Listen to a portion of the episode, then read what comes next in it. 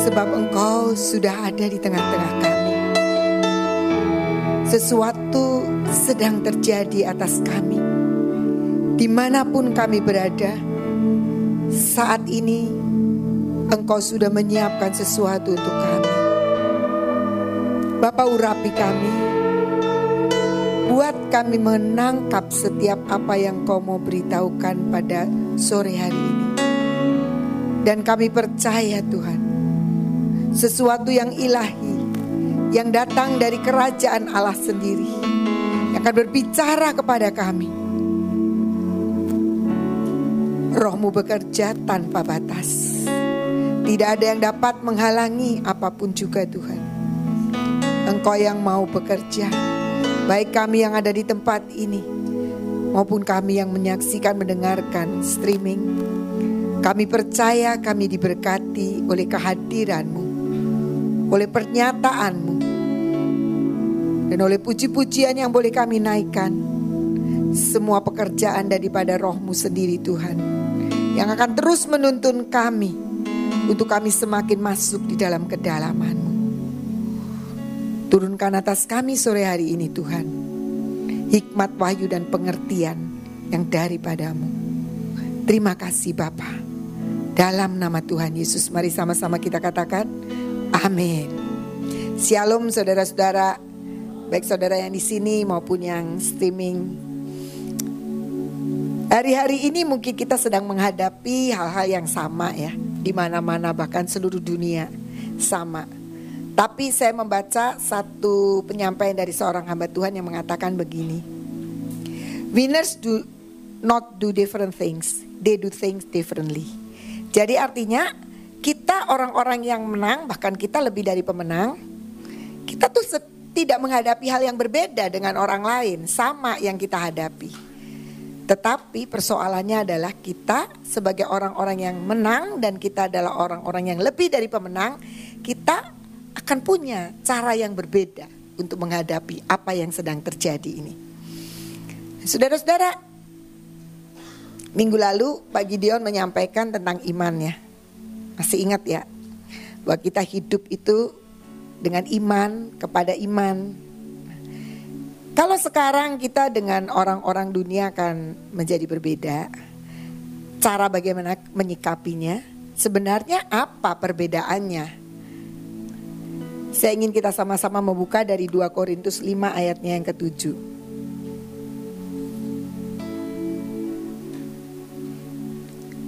2 Korintus 5 ayatnya yang ketujuh.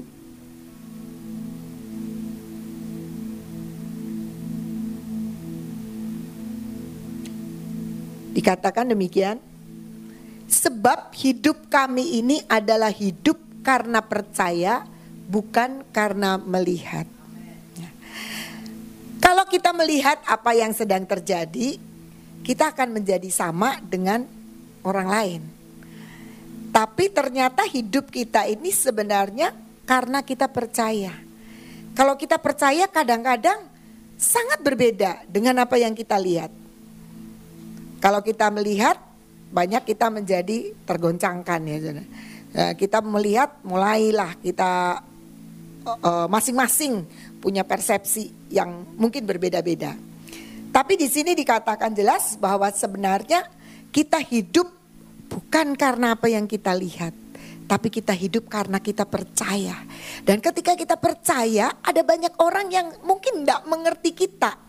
Tapi firman Tuhan itu sedang diberitakan menjadi sebuah kebenaran. Bahwa nanti akan terjadi apa yang kita percayai itu. Dan yang kita percaya adalah firman. Nah, hidup kita menjadi berbeda. Itulah sebabnya ketika kita dikatakan bahwa kita lebih dari pemenang, kita berbeda. Yang kita hadapi sama dengan yang dunia hadapi sekarang ini. Tetapi reaksi kita, respon kita, sikap hidup kita itu yang berbeda. Mungkin tetangga kita akan bilang, kamu aneh. Memang bisa dia bilang aneh. Tapi kita sedang dilatih untuk mempercayai apa yang menjadi pernyataan Tuhan firman Tuhan.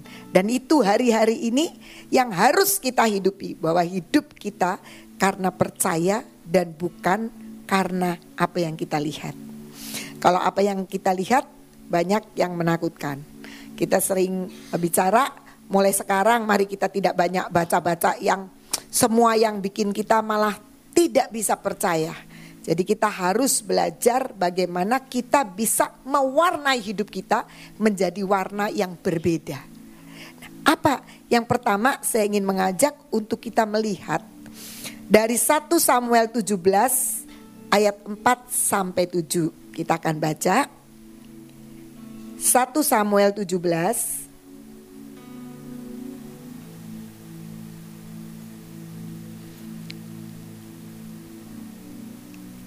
ayat 4 sampai 7. Dikatakan demikian, ini cerita Goliat ya.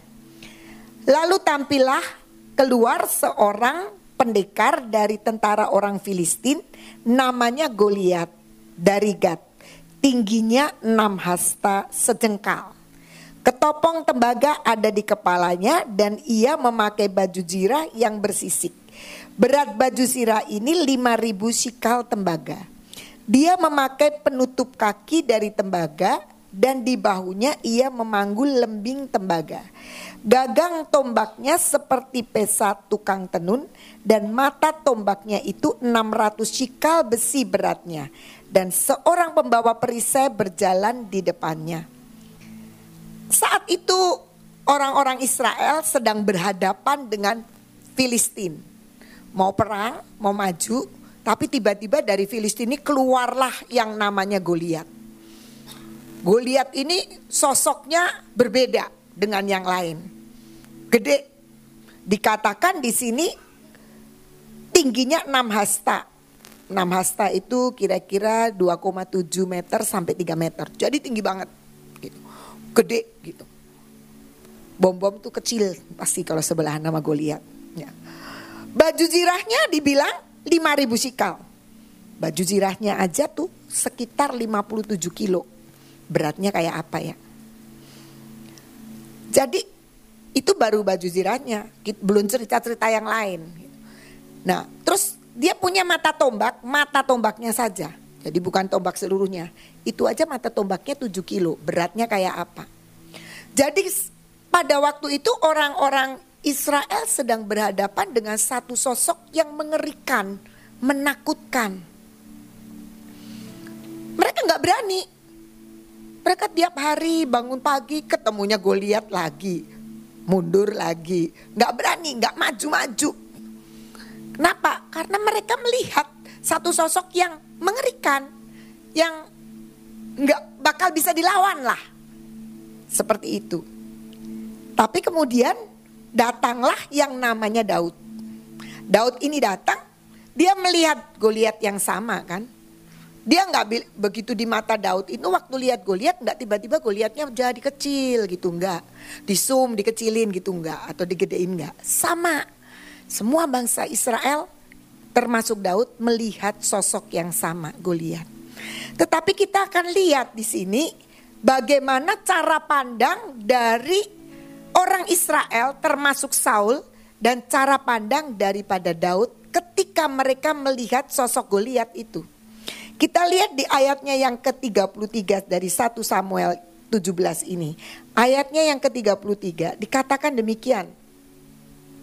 Ini Saul ngomong pada waktu itu sama Daud. Tetapi Saul berkata kepada Daud. Waktu Daud bilang saya mau maju nih, mau ngelawan Goliat. Saul bilang begini, tidak mungkin engkau dapat menghadapi orang Filistin itu untuk melawan dia. Sebab engkau masih muda, sedang dia sejak dari masa mudanya telah menjadi prajurit. Jadi Daud ini mau menghadapi Goliat yang dilihat sama oleh bahasa Israel. Tetapi Saul bilang begini, Daud nggak usah, nggak mungkin kamu menang, nggak bisa kamu.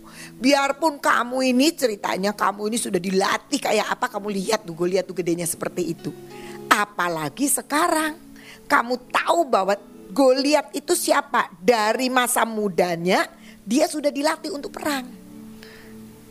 Sedangkan Daud ini nggak jelas sebagai gembala yang nggak tahulah punya keahlian apa. Jadi Saul bilang tidak mungkin kamu bisa. Yang dilihat sama, Tapi Saul bilang, tidak mungkin Daud kamu bisa. Tapi Daud bilang begini, ketika dia menghadapi, ketika akhirnya Daud menghadapi uh, Goliat di dalam ayat 47 dikatakan begini. Dari 46 ya. Hari ini juga Tuhan akan menyerahkan engkau ke dalam tanganku. Dia bilang sama Goliat itu. Dan aku akan mengalahkan engkau dan memenggal kepalamu dari tubuhmu. Hari ini juga aku akan memberikan mayatmu dan mayat tentara orang Filistin kepada burung-burung di udara dan kepada binatang-binatang liar supaya seluruh bumi tahu bahwa Israel mempunyai Allah dan supaya segenap jemaah ini tahu bahwa Tuhan menyelamatkan bukan dengan pedang dan bukan dengan lembing sebab di tangan Tuhanlah pertempuran dan ia pun menyerahkan kamu ke dalam tangan kami. Pada waktu Daud melihat Goliat, dia tidak melihat sosok Goliat yang gede. Dia tidak melihat sosok Goliat yang mengerikan. Dia tidak melihat bagaimana Goliat itu sudah pandai berperang dari sejak masa mudanya. Dia nggak lihat senjata-senjata Goliat yang keren-keren, yang ya yang lengkap banget gitu. Dia nggak lihat itu. Tapi yang dia lihat adalah supaya kamu tahu bahwa Israel ini punya Allah. Supaya jemaah ini tahu semua bahwa peperangan itu bisa dimenangkan bukan karena pedang dan lembing. Apa yang bisa memenangkan? Tidak ada. Waktu itu Daud tidak bawa apa-apa. Cuma akhirnya dia bawa ketapel aja yang mungkin bagi bangsa Israel, ya ampun, si Daud mau perang ngambilnya cuma batu buat sama ketapel itu. Ini apa-apaan? Guyonan ini. Mainan. Mungkin bagi orang-orang Israel yang dalam keadaan ketakutan itu, dia pikir gini, ini Daud ini berani mati banget ya. Kayak nggak ngerti, kayak nggak pakai otak. Ngadepin Goliat yang Saul aja lebih pinter berperang mestinya ngeri prajurit-prajurit kakak-kakaknya Daud itu berlatih untuk perang. Mereka aja nggak berani.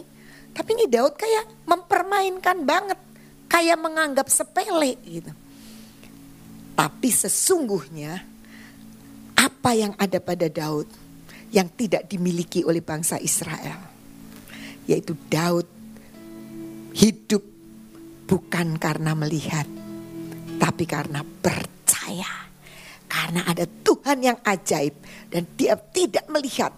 Tuhan itu mau memenangkan orang Israel. Tidak perlu pedang, tidak perlu lembing. Itu Daud. Jadi yang saya melihat di sini bahwa hari-hari ini mungkin kita lihat Goliat yang sama. Yang dilihat oleh dunia dan dilihat oleh bangsa-bangsa lain sama. Tapi Tuhan ingin mengajak kita untuk hidup kita bukan karena yang kita lihat tapi hidup kita karena firman yang perlu kita percayai. Dan itulah kehidupan kita yang menjadi berbeda. Kita harus menyikapi semua kehidupan itu menjadi berbeda. Mungkin orang lain yang bilang, punya apa sih? Senjata kita apa sih? Sekarang senjata kita apa sih? Senjatanya apa yuk? Mazmur 91 tangan kiri, tangan kanan Yesaya 60. Mungkin orang dunia akan bilang, apaan sih itu? Cuma baca deklarasi begitu. Mungkin orang begitu. Tapi memang itulah yang kehidupan yang harus kita jalani saat ini. Ketika kita mau menang. Karena di dalam senjata itu kita tahu Tuhan ada di dalamnya. Dan untuk memenangkan sebuah pertandingan bukan karena pedang, bukan karena lembing tapi karena kita percaya dengan setiap perkataan Tuhan. Dan perkataan Tuhan itu ajaib banget saudara.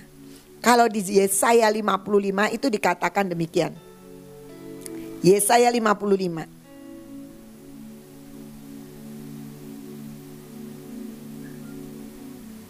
Mulai ayatnya yang ke-8 ya. Oh, ayatnya ke-10.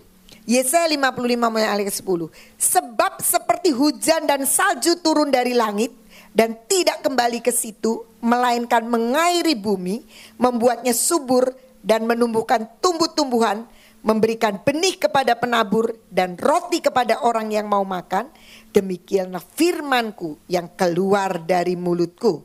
Ia tidak akan kembali kepadaku dengan sia-sia, tetapi ia akan melaksanakan apa yang ku kehendaki dan akan berhasil dalam apa yang kusuruhkan kepadanya. Jadi firman yang dikatakan sebagai senjata kita di tangan kiri dan di tangan kanan itu, itu itu turun dari surga seperti hujan dan salju yang tidak mungkin akan kembali ke langit lagi, udah turun. Dan dia akan mengairi bumi. Dikatakan dia akan membuat subur dan menumbuhkan tumbuh-tumbuhan, memberikan benih kepada penabur dan roti kepada orang yang mau makan. Apakah pasti itu tuh berhasil? Pasti berhasil. Karena Alkitab mengatakan pasti berhasil. Cuma di sini dikatakan kepada orang yang mau makan. Artinya kepada orang yang mau percaya dengan firman itu pasti jadi. Karena Tuhan kita itu tidak bisa gagal. Pasti jadi. Dan firmannya yang turun dari surga yang dicurahkan atas kita, perkataan-perkataannya itu dia akan terus kerja sampai berhasil, sampai dikatakan yang dikehendaki Tuhan itu terlaksana. Dan itu yang akan terjadi. Karena itu sekali lagi modalnya apa supaya itu bisa terjadi dalam hidup kita? Percaya. Tidak bisa dilihat.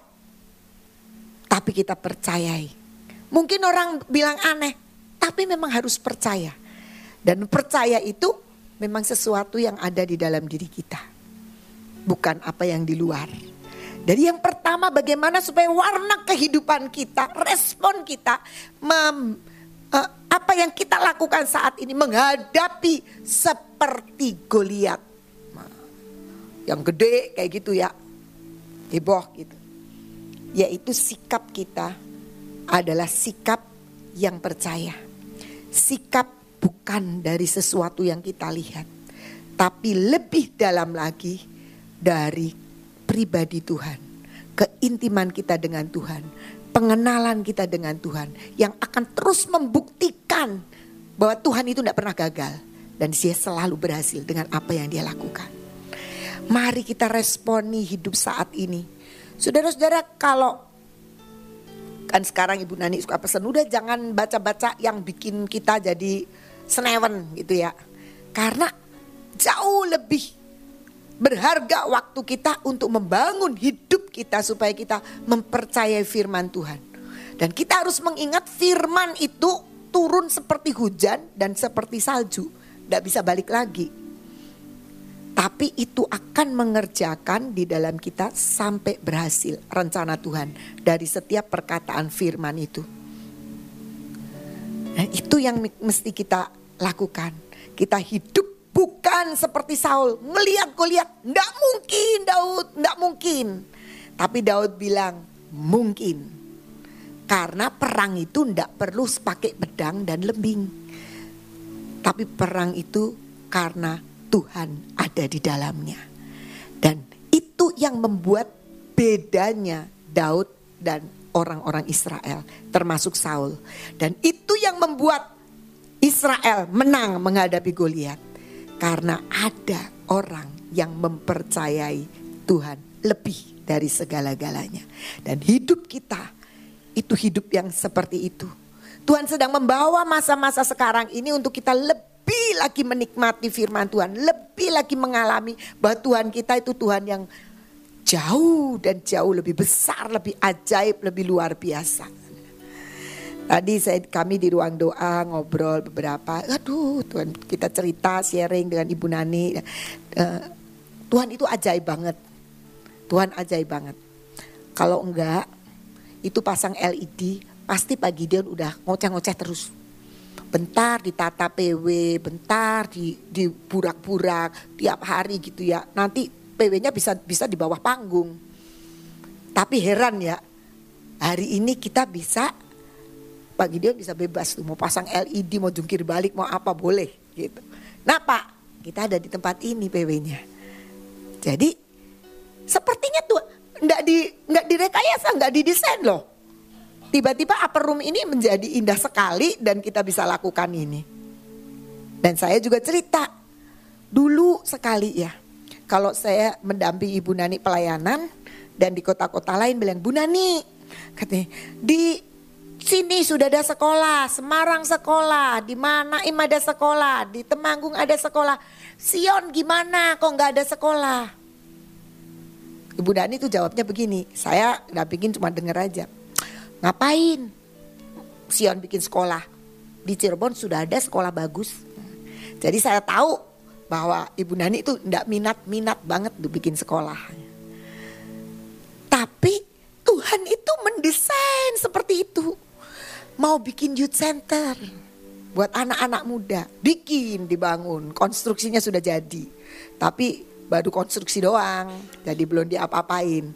Tiba-tiba ada firman, harus membuat sekolah. Langsung ditangkap sama Ibu Nani, bikin sekolah. Di mana tempatnya ndak jelas. Tapi tiba-tiba Tuhan mengingatkan itu loh youth center tuh jadi sekolah. Dalam sekian bulan dirombak jadi kelas-kelas. Jadilah sekolah. Apakah kita sudah desain itu jadi sekolah? Enggak. Enggak pernah. Tapi Tuhan sudah desain untuk sebuah sekolah. Dia sudah jauh tahu dan itulah Tuhan kita. Yang kita percayai. Semua ajaib. Ibu Nani tadi bilang itu loh kalau lagi nyanyi bersinarlah gitu kan terus ada itu di drone itu kan. Aduh kayaknya ajaib banget ya. Bisa kelihatan nih gedung Gracia, ini gedung sekolah, ini radio. Waduh hal yang gitu Siapa yang desain? Tuhan. Ajaib. Kita dituntun dari hari ke hari untuk akhirnya dari percaya baru kita melihat, menyaksikan. Daud dari percaya baru kemudian dia lihat kemenangan itu. Tapi kalau orang dunia pengennya ngeliat dulu. Lihat dulu ya malah nggak jadi-jadi, saudara.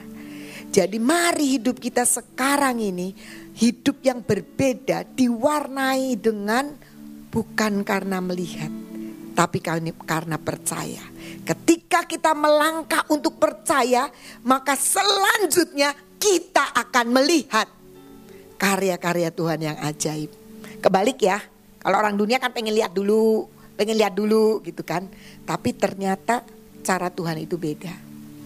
Dan Daud bisa lakukan itu. Dia apa? Dia lakukan sesuatu bahwa dia melihat Tuhan dulu di dalamnya. Tuhan ini pemenang. Bukan dengan lembing. Bukan saya harus pakai pakaian perang. Bukan karena saya sudah ahli. Tidak. Tapi karena Tuhan ada di dalamnya. Dia pasti akan membuat bangsa Israel menang.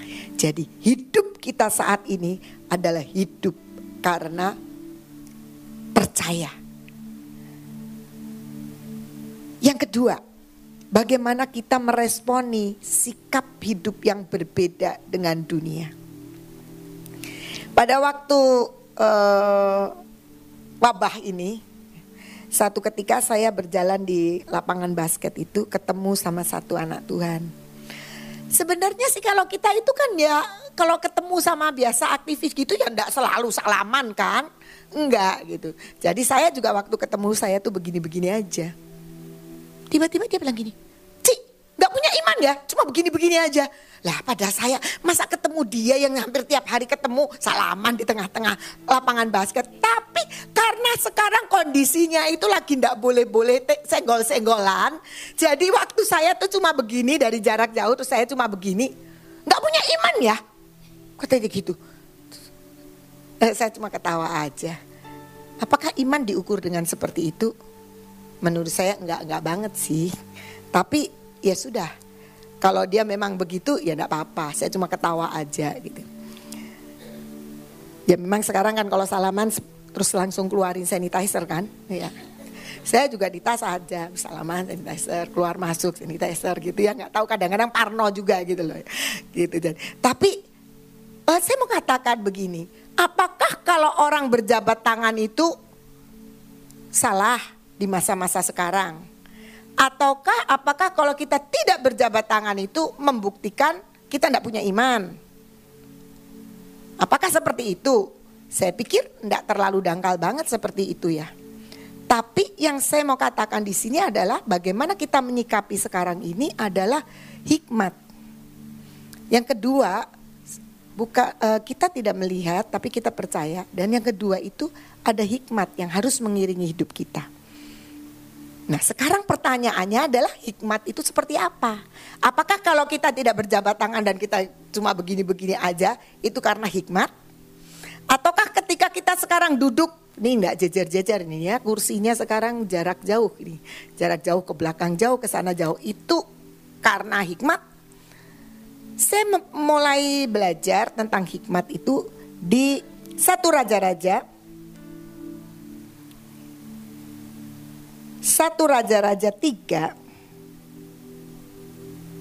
kita baca mulai ayatnya yang ketujuh ini saat Salomo baru menjadi raja. Dikatakan di sini, maka sekarang ya Tuhan Allahku, engkaulah yang mengangkat hambamu ini menjadi raja menggantikan Daud ayahku. Sekalipun aku masih sangat muda dan belum berpengalaman. Demikianlah hambamu ini berada di tengah-tengah umatmu yang kau pilih Suatu umat yang besar yang tidak terhitung dan tidak terkira banyaknya. Maka berikanlah kepada hambamu ini hati yang faham menimbang perkara untuk menghakimi umatmu dengan dapat membedakan antara yang baik dan yang jahat. Sebab siapakah yang sanggup menghakimi umatmu yang sangat besar ini? Lalu adalah baik di mata Tuhan bahwa Salomo meminta hal yang demikian.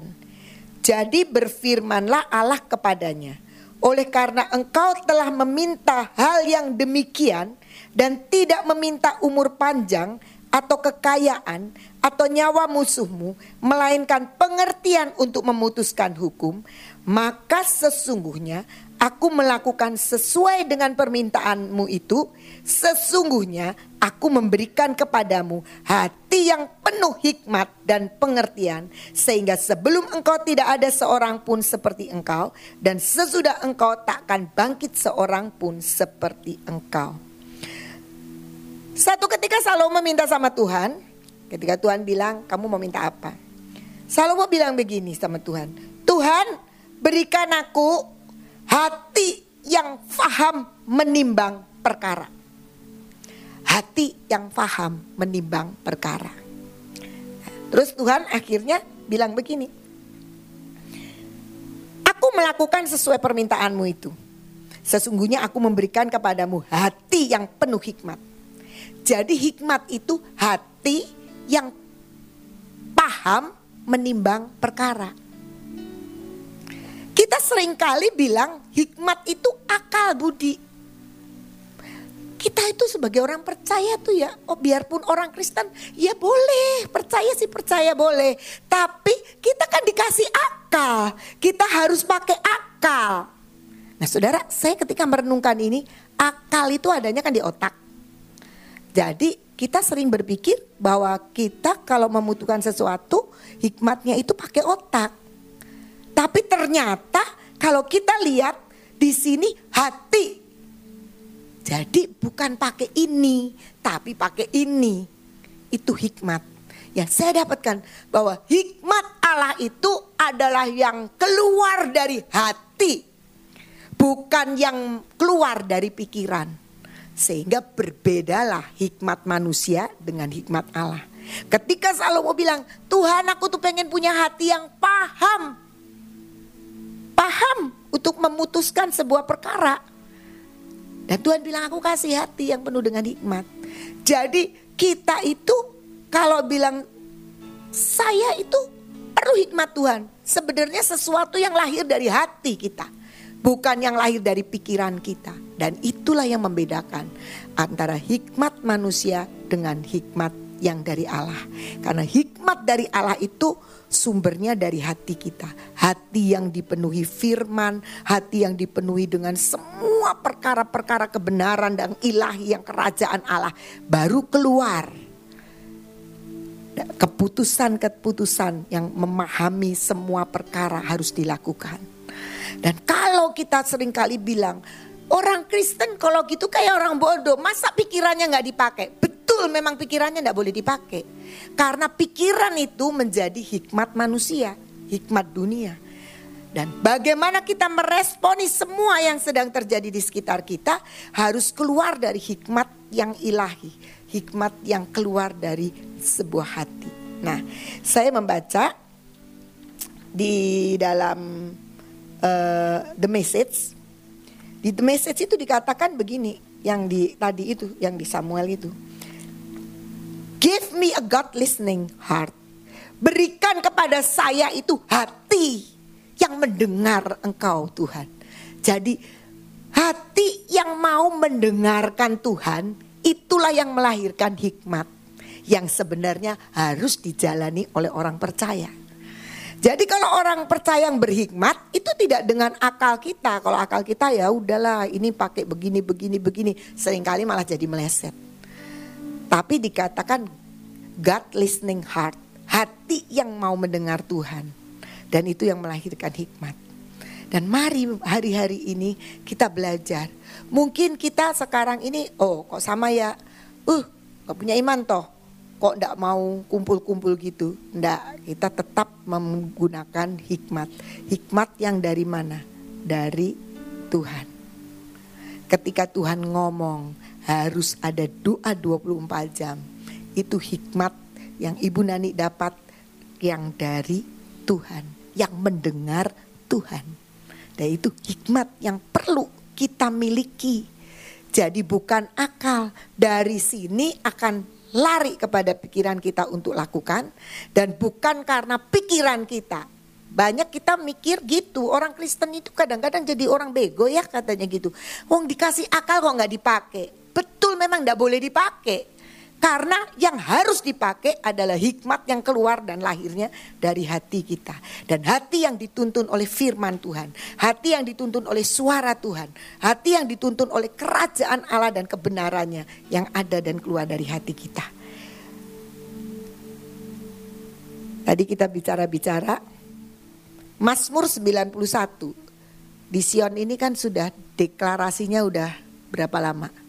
Tahun ketiga ini sudah tahun ketiga. Sebelum musim-musim Mazmur 91 kita sudah terus bicara. Kata Ibu Nani kita udah nyicil dulu katanya. Ngangsur dulu kan. Ya, kita udah itu. Mungkin kita bikin ganti tahun Mazmur 91 lagi. Masuk tahun 2020 malah dibilang itu senjata kita, perisai kita ya kata Sofia. Perisai pakai tangan kiri ini pegang perisai. Mazmur 91. Dan ternyata sekarang ini gereja mana yang tidak Mazmur 91? Semua Mazmur 91. Kita sudah nyicil dari dulu ya. Mazmur 91. Kita sudah apal dulu Mazmur 91. Siapa mereka-reka? Hikmat Tuhan yang menuntun dari sebuah firman yang ditaruh di dalam hati dimunculkan di dalam sebuah deklarasi. Mari kita meresponi semua ini karena hikmat yang keluar dari hati kita. Yang terus akan membawa kita dalam iman kepada iman. Yang Pak Gideon minggu lalu sudah sampaikan. Yang ketiga, bagaimana kita meresponi hidup ini. Nah, saya membaca satu ayat yang menarik sekali dari bahasa Indonesia masa kini di Hosea 14 ayat 4 bagian C. Dikatakan demikian kalimatnya ya. Ya Tuhan, Engkau mengasihani orang-orang yang tidak mempunyai siapa pun yang dapat mereka andalkan. Dikatakan di gini, Ya Tuhan engkau mengasihani orang-orang yang tidak mempunyai siapa pun yang dapat mereka andalkan. Ternyata tuntunan Tuhan dalam hidup kita itu selalu membawa supaya kita mengandalkan dia. Sampai kita tuh tidak punya tempat untuk berpegang. Coba sekarang bayangin dengan sekarang ini wabah ini. Orang itu banyak yang nggak ngerti mau berbuat apa gitu loh. Yang dipegang itu nggak ada. Memang tidak ada kecuali Tuhan. Tetapi karena itu maka larilah kepada Tuhan. Sekarang banyak orang-orang bertobat ya. Negara-negara banyak yang bertobat. Semua mulai menaikkan puji-pujian, mulai cari Tuhan dan sebagainya. Kenapa? Karena sudah tidak ada yang bisa diandalkan. Yang paling pinter pun sampai bingung dengan wabah ini. Semua orang mulai cari apa yang aku bisa pegang. Dan kita tahu kan, billboard di Jakarta sudah ada tulisan Mazmur 91. Kalau nggak ada wabah ini nggak boleh loh pasti kayaknya. Karena ada wabah ini jadi ada. Kenapa? Karena memang Tuhan sedang mereka-reka. Waktu dan masanya lawatan itu harus terjadi. Dan lawatan itu harus terjadi dengan cara apa? Sampai orang-orang tidak bisa menemukan siapa yang bisa diandalkan Siapa yang bisa dipakai untuk jadi pegangan? Gak ada. Tapi titik yang sudah tidak ada lagi yang bisa diharapkan dan diandalkan. Sampai titik itu Tuhan akan ulurkan tangan. Jadi mari kita belajar. Kadang-kadang kita memang dipaksa sama Tuhan. Sampai kita itu tidak bisa berbuat apa-apa. Sampai aduh mau apa lagi. Apalagi yang bisa kita uh, gadein lah gitu ya yang bisa kita harapkan nggak ada bingung semua dan semua hanya Tuhan dan memang Tuhan itu menantikan masa itu sampai orang-orang tidak punya siapa pun yang dapat mereka andalkan.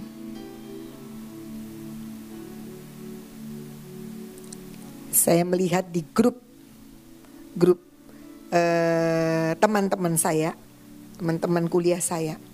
Karena kemarin ada salah satu teman saya yang dipanggil pulang Tuhan karena kena wabah ini. Sangat cepat, sangat cepat. Masuk di grup kira-kira jam 10, setengah 11. Dan kami semua bilang, saya mendoakan, saya mendoakan. Terakhir ada teman saya jam 12 siang, mungkin dia baru baca dan dia bilang, kami berdoa buat kamu. Istrinya sudah bilang, sudah dibawa pulang. Cepat sekali. Dan sejak itu yang ada di grup adalah doa-doa. Berharap, doa, dan macam-macam semuanya yang rohani saudara. Gak ada yang guyonan lagi. Semua yang rohani. Kenapa? Dan waktu itu memang saya berpikir ini istrinya uh, karena masuk rumah sakit itu cuma satu malam ini istrinya pasti juga akan jadi yang harus diisolasi gitu. Dan ternyata benar. Nah, istrinya, supirnya, anaknya semua dalam keadaan demam. Dan tadi di grup kami semua diajak untuk mendoakan, diajak untuk benar-benar bergumul merebut dia gitu supaya bisa disembuhkan. Saudara, ketika sudah tidak ada yang bisa diandalkan, semua jadi serius hidupnya. Semua jadi mencari siapa yang bisa diharapkan? Cuma Tuhan. Cuma Tuhan. Dan itu hidup kita yang harus saat ini kita mengerti. Jangan sampai dipepet, saudara. Jangan, jangan sampai dipepet sampai kita kudu mengandalkan Tuhan. Mari kita sekarang sudah responi bahwa memang Tuhan itu satu-satunya yang bisa kita andalkan. Satu-satunya yang bisa kita harapkan. Pertolongan cuma dari dia. Tidak ada yang lain. Kalau kita setiap hari harus diingatkan untuk kita deklarasi. Mari kita cari, kita deklarasi, kita percaya itu firman Tuhan. Kita percaya itu sebagai kebenaran yang bisa menghidupi. Kok gampang ya cuma begitu saja. Sebenarnya nggak gampang juga saudara. Karena kalau sudah tiap hari itu apal saudara. Sudah apal tuh tidak menikmati lagi. Wow gitu apalah sudah begini-begini. Tapi kalau kita mempercayai sekali maka kita akan terima luar biasa efek dari setiap deklarasi dan iman kita. Kita belajar untuk meresponi, mewarnai hidup kita bukan sama dengan dunia. Kita mewarnai hidup kita bukan karena pedang dan lembing, bukan karena kekuatan kita, bukan karena kepandaian otak kita. Saudara-saudara terlalu banyak di dalam hidup di sekitar kita ini yang sering kali gampang mengotori hidup kita.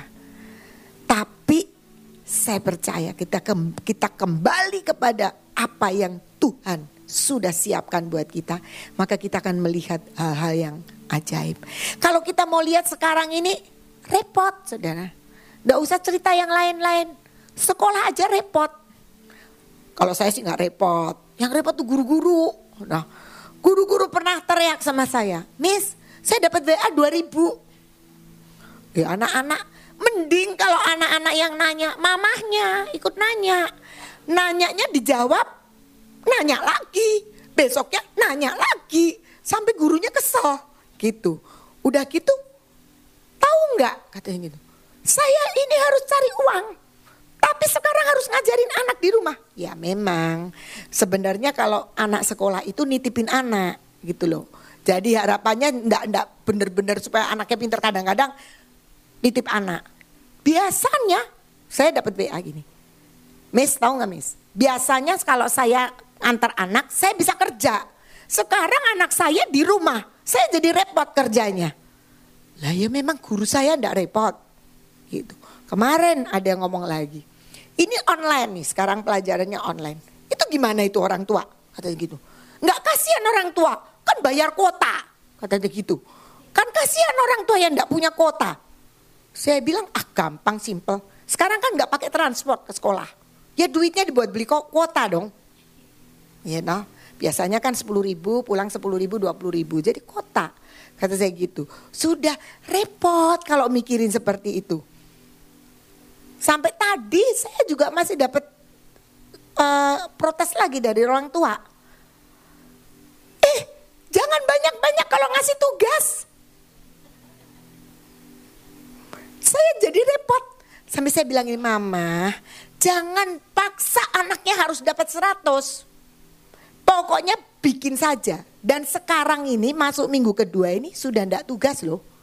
Diajarin pakai Zoom. Nah ya kan diajarin, guru ngajarin. Eh protes lagi. Miss kenapa sih pakai sum aja kudu pakai seragam? Ya ampun anak suruh ganti seragam aja. Ya daripada pakai kosinglet saya bilang gitu. Ya pakai seragam kan bagus. Pakai seragam pikirlah anak itu dunianya bahwa saya sedang sekolah. Makanya saya pakai seragam. Kadang-kadang mama-mama tuh reseh. Gini diprotes gitu diprotes itu ke saya pengurus, ke gurunya lebih lagi, lebih hebat lagi. Tapi ya sudahlah biar. Itu yang sekarang ini masih di, perlu dinikmati. Kami punya guru dua ini lagi di rumah sakit. Tapi sakitnya sakit satu DB, satu tifus. Yang di rumah sakit aja dikejar-kejar. Padahal dia sudah bilang saya masih istirahat di rumah sakit. Dikejar-kejar. Saya bilang udah diblok aja itu orang tuanya diblok semua kata saya itu itu. Kan ada penggantinya guru penggantinya gitu kan. Tapi yang dikejar jadi stres. Tadi dia bilang gini sama saya aduh mes saya tuh rasanya sudah kayak mau pulang ke surga. Hah? Kata saya kenapa? Katanya sampai sesak saya. Kenapa? Ini orang tua pada wah masuk. Makanya mes diblok kata saya kayak gitu Tahu nggak sih orang tua kalau kamu tuh lagi di rumah sakit? Tahu sih, udah dikasih tahu nanti diganti sama mes yang lain. Tapi tetap aja, ya udah jangan usah dibaca. Jadi kan ngajarinya ya nggak bener juga saya ya. Suruh nggak baca gitu. Tapi ya gimana? Yang itu masih di rumah sakit gitu. Tapi mari kita responi. Saya percaya ini saya kadang-kadang juga jengkel. DB katanya bagus pakai daun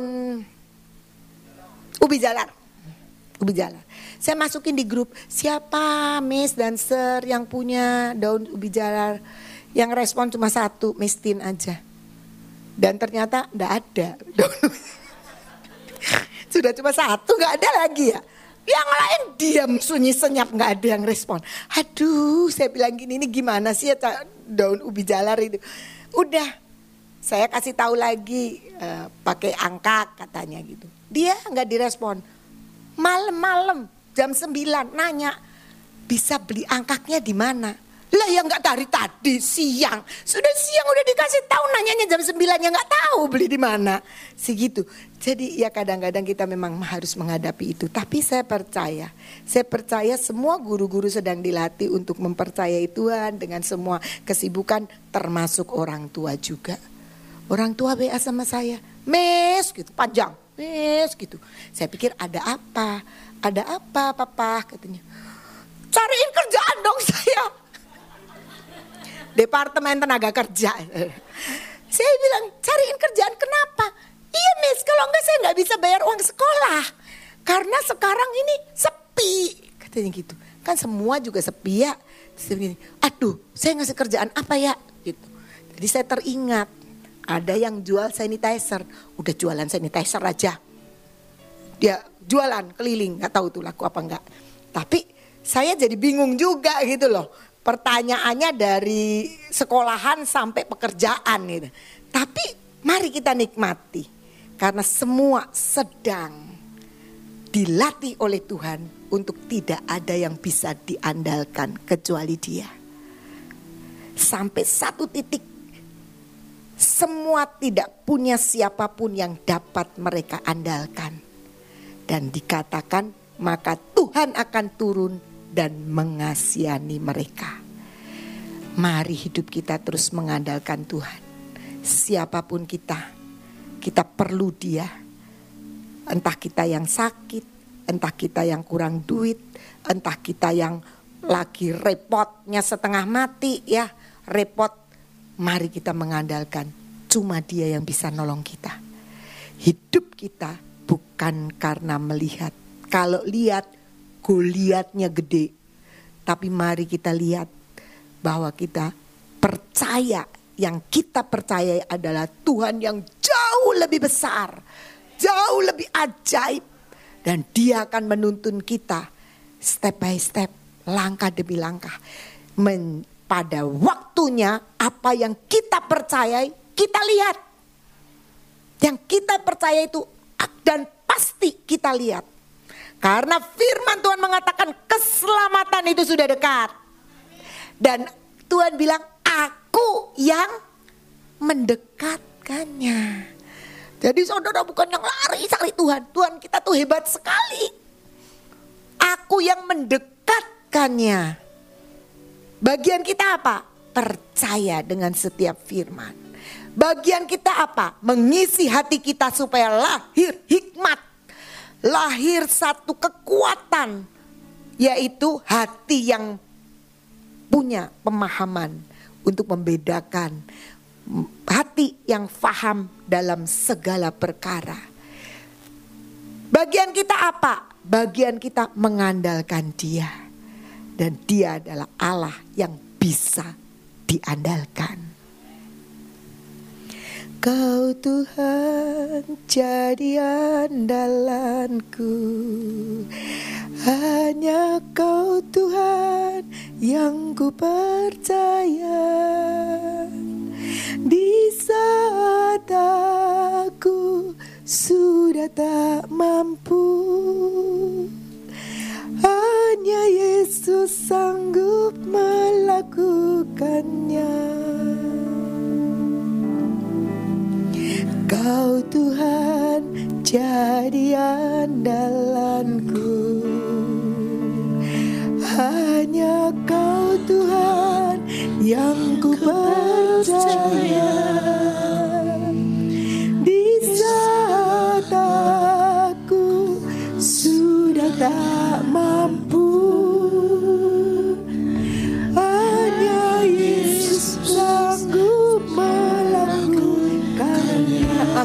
Aku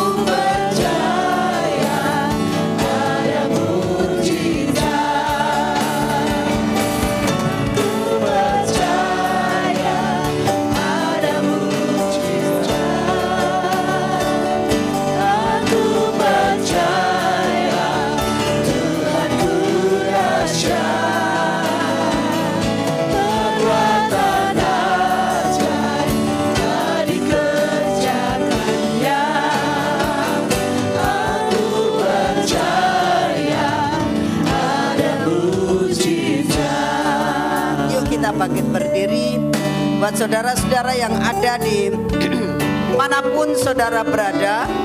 Yuk bangkit berdiri saudara. Kita nyanyikan nyanyian sekali lagi dengan iman. Jangan dengan pikiran, tadi sudah dikatakan jangan dengan pikiran, dengan hati. Supaya mujizat berlaku buat saudara dan saya dan berlaku buat bangsa dan negara kita.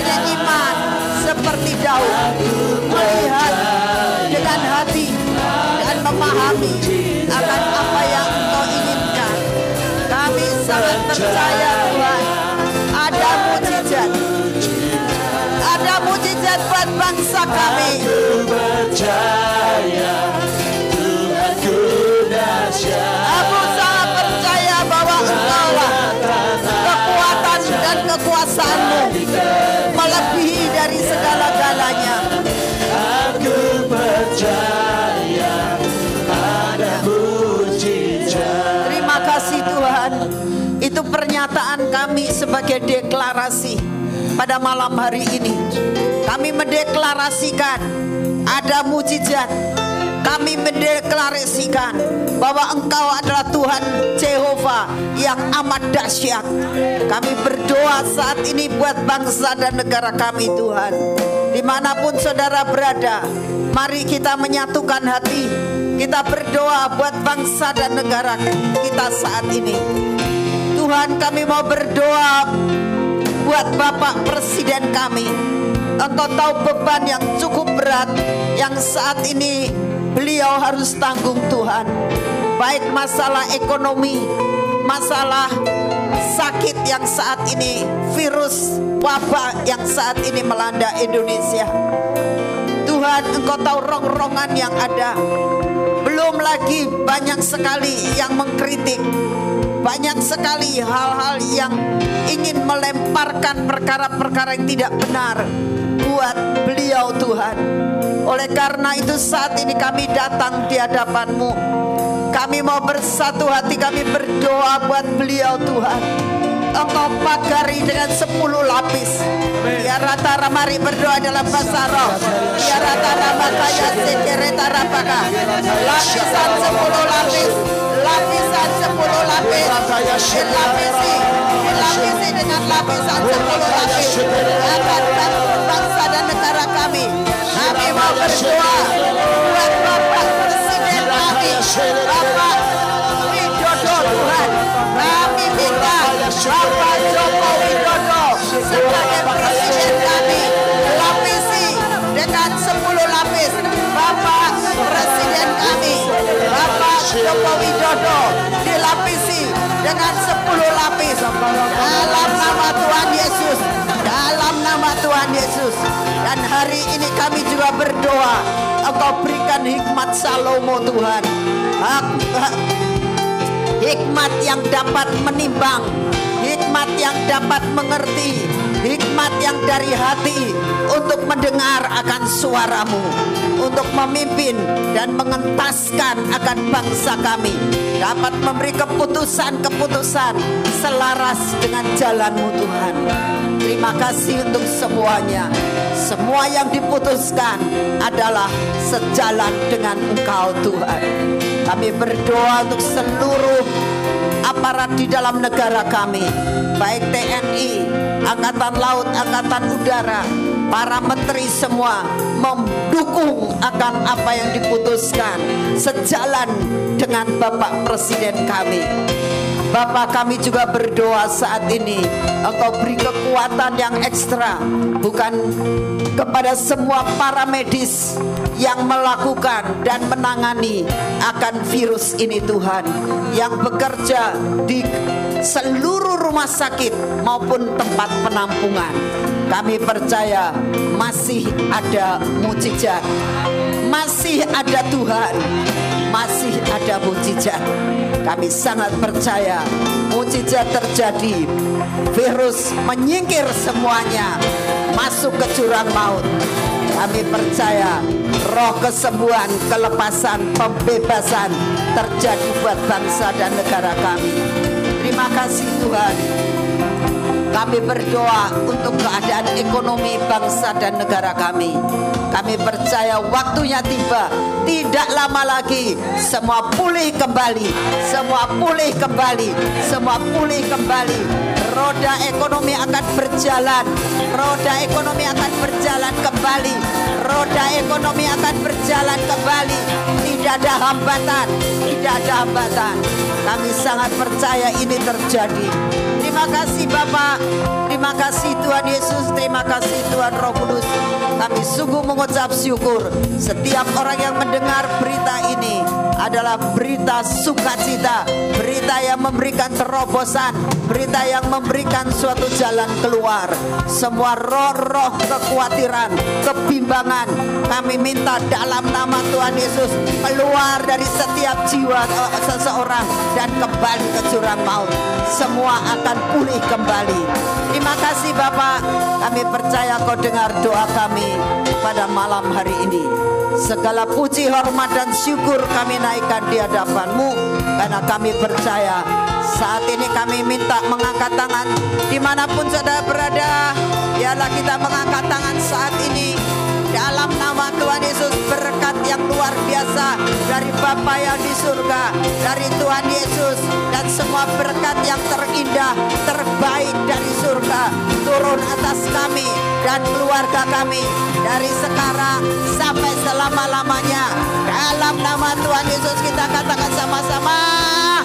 Amin. Tuhan memberkati saudara semuanya.